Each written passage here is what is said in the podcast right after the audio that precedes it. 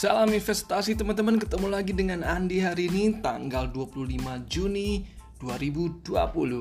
Dan hari ini saya akan sharing sedikit tentang apa yang terjadi di market uh, baik itu global dan Indonesia dan mungkin beberapa berita yang harus kita perhatiin, juga beberapa tips dari saya untuk investasi ke depannya ini ya. Dan bagi yang belum subscribe atau yang belum follow podcast saya, tolong diklik dan di follow podcast ini untuk kita diskusi ilmu-ilmu investasi lebih banyak lagi. Jadi berita yang pertama adalah terkait dengan uh, perkiraan pertumbuhan global oleh IMF. Jadi IMF memproyeksikan bahwa tahun 2020 akan uh, terkontraksi lebih dalam ternyata teman-teman. Awalnya tuh di April bulan uh, bulan April 2020 tuh IMF mengeluarkan report yang sama, cuman pada waktu itu dia memperkirakan kontraksi pertumbuhan ekonomi global tahun ini itu minusnya 3%. Tapi baru-baru ini mereka mengeluarkan pertumbuhan proyeksinya malah minus 4,9%. Jadi jauh lebih dalam dibandingkan proyeksi mereka di bulan April. Nah, ini tentu saja menjadi pukulan yang sangat telak bagi market uh, satu dua hari ini. Contohnya kemarin di Dow Jones juga minusnya lumayan dan hari ini mayoritas di bursa-bursa Asia tuh minus semua. Ya, jadi kita uh, bisa lihat impactnya sangat dahsyat. IHSG sendiri kita minus 1,37 persen, jadi ditutup di angka um, um, 4.896, 4896, sudah di bawah 5.000 nih. Dan LQ45-nya minusnya lebih dalam, minus 1,54 persen, uh, ditutup di level 760. Nah inilah yang menarik teman-teman ya. Jadi ke depannya ini seperti apa? Saya akan banyak volatilitas yang terjadi di market uh, dalam waktu uh, eh, 2-3 bulan ke depan ini ya. Khususnya nanti di bulan um, Juni, Juli sama, sampai September. Saya penasaran sih apa yang terjadi di bulan September. Kata orang itu tuh terkait bulan yang sangat menakutkan bagi pasar modal khususnya saham ya. Tapi kita nanti akan lihat seperti apa. Berita yang kedua adalah terkait dengan uh, kebijakan um, pelonggaran lockdown ya, masih seputar COVID-19. Jadi beberapa negara ini sudah uh, melonggarkan kebijakan lockdown mereka termasuk Indonesia sudah dilonggarkan PSBB-nya jadi sudah bisa beraktivitas dengan uh, kalau Pak Gubernur bilang ini masa transisi uh, bagi negara-negara tertentu sudah beraktivitas seperti biasa walaupun tetap uh, ya me melakukan uh, peraturan-peraturan yang disarankan oleh pemerintah ya. Contohnya restoran ya duduknya harus satu meter dan lain-lainnya. Itu sudah dilakukan. Impactnya apa? Tentu saja menurut menurut saya ini akan uh, impactnya ya kemungkinan terjadinya gelombang kedua COVID-19 ya semakin besar. Tentu tentu saja kita bisa lihat uh, penderita COVID-19 belakangan ini banyak ditemukan kasus-kasus yang baru. Jadi ya seperti Jerman di Amerika di Beijing mereka sudah melakukan lockdown part, partial partial lockdown di beberapa uh, daerah kecil lah. Nah ini ini salah satu bukti bahwa uh, potensi terjadinya gelombang 2, gelombang ketiga terhadap COVID-19 ini sangat besar. Namun kita harus tetap optimis karena kenapa? Walaupun uh, potensinya ini besar, saya melihat bahwa pemerintah-pemerintah sekarang ini akan jauh lebih siap karena apa? Pertama mereka punya blueprintnya dalam mengatasi uh, eh, COVID-19 ini. Kalau di awal-awal tahun kan mereka kan nggak nggak ada persiapan kan, nggak ada gambaran. Wah nih kenapa nih ada apa nih? Nah kalau untuk uh, gelombang kedua menurut saya mereka jauh lebih siap. Jadi kalaupun terjadi gelombang kedua, ketiga dan lain-lainnya, memang akan terjadi kontraksi dari uh, dari segi pasar modal, uh, sentimen negatif. Tapi menurut saya itu sifatnya hanya sementara. Itu yang kedua. Dan yang ketiga terkait yang menarik menarik juga menurut saya uh, kebijakan pemerintah di khususnya di Indonesia kemarin itu uh, terkait dengan um, uh, Ibu Sri uh, Bu Sri Mulyani memberikan uh, ya memilih lah kurang lebih empat bank BUMN ataupun perbank perbankan BUMN untuk membantu perbankan-perbankan yang mengalami likuiditas. Karena kita ada dengar dan dengar dan lihat juga di berita ada beberapa uh, ada satu dua tiga bank ataupun financial institusi yang gagal uh, bayar kemudian juga mengalami kesulitan likuiditas bahkan untuk orang mau cari deposito aja susah tuh. Nah itu menurut saya itu udah uh, lumayan gawat itu. Itu yang uh, menurut saya penting juga untuk kita bahas.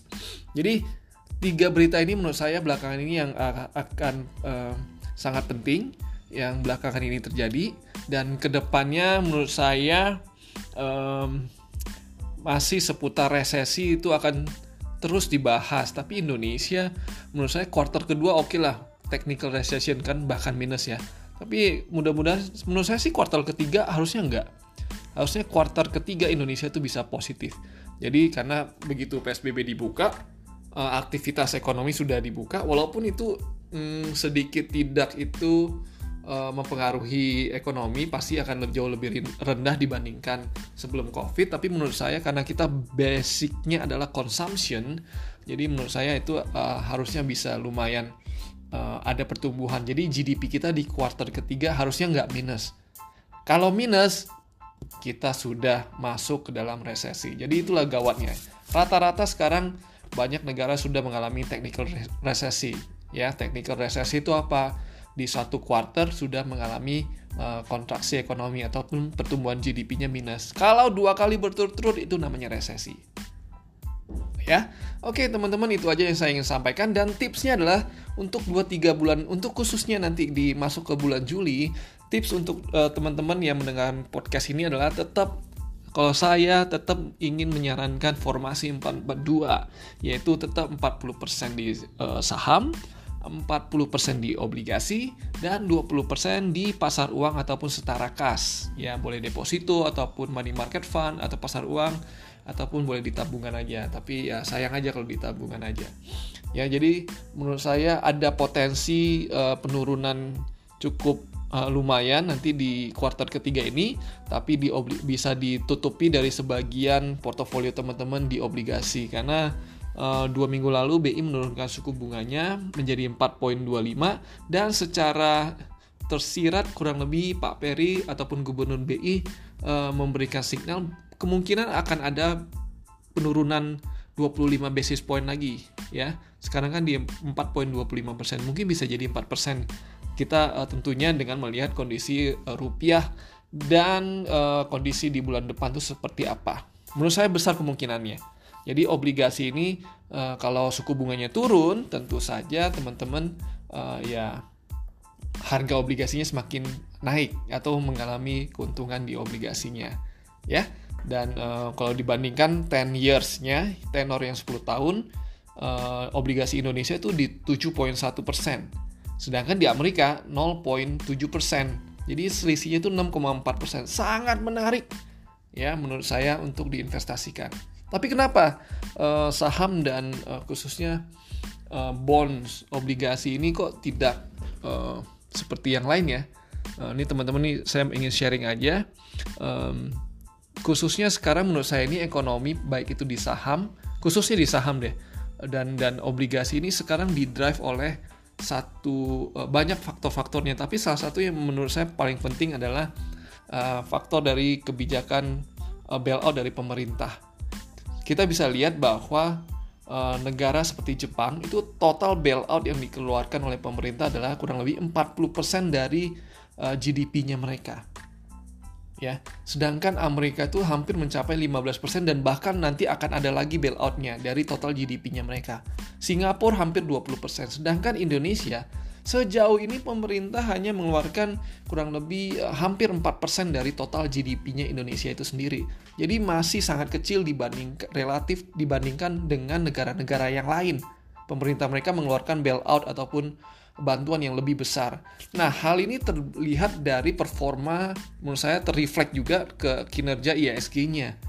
Jadi investor asing cenderung memilih untuk negara-negara yang memberikan bantuan yang paling besar di dalam hal ini ya seperti Jepang, China, kemudian uh, Amerika sendiri ya kan di Dow di Nikkei, indeks Nikkei itu cuma minus sekitar 5% loh teman-teman dibandingkan dengan Indonesia sekitar minus 23%. Jauh persentasenya.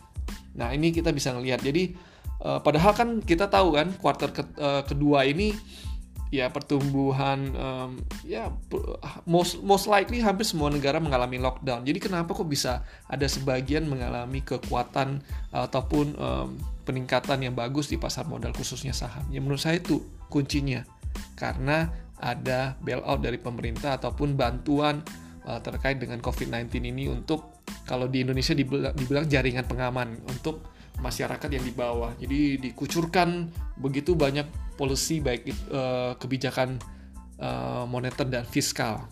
Jadi itu yang menurut saya mendrive uh, pasar modal beberapa negara khususnya ya nggak hanya beberapa negara hampir di semua negara lah. Jadi teman-teman asing sekarang portofolio di saham sekitar 30 persen. Uh, sorry uh, sekitar 40 persen 40 persen ya asing portofolionya itu dulu 50 50 50 domestik 50 asing. Sekarang domestik sudah 60 persen. Dan 40 persennya dimiliki oleh asing. Jadi uh, nanti saya melihat potensinya besar ISG untuk recover ketika nanti uh, apakah pemerintah akan membel, membel, uh, mengeluarkan bailout tambahan? Apakah pemerintah uh, hasil uh, uh, pertumbuhan ekonomi ini dari pasca pelonggaran uh, PSBB ini apakah jalan atau enggak itu akan dilihat oleh investor asing. Kalau bagus responnya, mereka akan kembali masuk ke Indonesia. Tapi ya masalahnya kita berlomba-lomba nih. Kita berlomba-lomba dengan negara-negara lain yang terkena dampak COVID-19 ini, mereka juga mengeluarkan begitu banyak stimulus untuk uh, perekonomian mereka. Jadi itu investor asing saat ini uh, melihat ke arah sana. Mereka melihat di mana bantuan stimulus pemerintah yang paling besar mereka akan masuk ke sana ya. Dan uh, khususnya di obligasi nggak usah khawatir juga. Sekarang komposisinya asing cuma 30% dari 40% jadi turun 10% juga sama. Sekarang uh, 70% dimiliki oleh domestik. Dan saya melihat yieldnya aja sekarang sudah kembali kurang lebih ke awal tahun. Jadi teman-teman kalau terjadi penurunan suku bunga uh, 25 basis point lagi ke depan ini ya harusnya obligasi akan perform uh, menarik juga di tahun ini. Ya kemungkinan kalau saya mungkin bisa menebak ya kurang lebih um, 5 sampai 8% lah performa obligasi di tahun ini termasuk dengan kuponnya ya. Ya, cukup cukup konservatif kalau menurut saya. Ya, dan uh, itu sekedar tips dari teman uh, buat saya uh, dari saya buat teman-teman untuk kita berinvestasi ke depannya. Dan yang harus kita waspadai, waspadai adalah di bulan Juli, uh, Agustus, dan September. Karena kenapa? Nanti di bulan Juli akan diberitakan hasil-hasil ekonomi uh, uh, indeks-indeks terkait dengan uh, kuartal kedua ini hasilnya seperti apa. Saya pas saya sih kurang lebih uh, melihat bahwa banyak data-data yang akan dikeluarkan itu sifatnya negatif karena ya praktis um, di kuartal kedua kan kita semua mengalami lockdown ya pasti mengalami kontraksi. Cuman kita pengen tahu kontraksinya turunnya itu lebih dalam atau sesuai ekspektasi. Kalau sesuai ekspektasi, saya melihat ada potensi kita mengalami um, short correction yang sifatnya temporary atau sementara. Tapi, kalau terjadi uh, itu lebih parah angkanya daripada yang diprediksikan, contohnya GDP-nya kita ternyata minus lagi, ya kita bisa melihat bahwa pasar modal akan kembali minus lebih dalam lagi ya tapi ya nggak akan seperti uh, di bulan Maret lah ya kayaknya nggak akan kembali ke angka di bawah 4000 ya masih cenderung di atas 4000 menurut saya Oke, itu aja teman-teman yang bisa saya sampaikan hari ini dan saya Andi saya undur diri. Bye.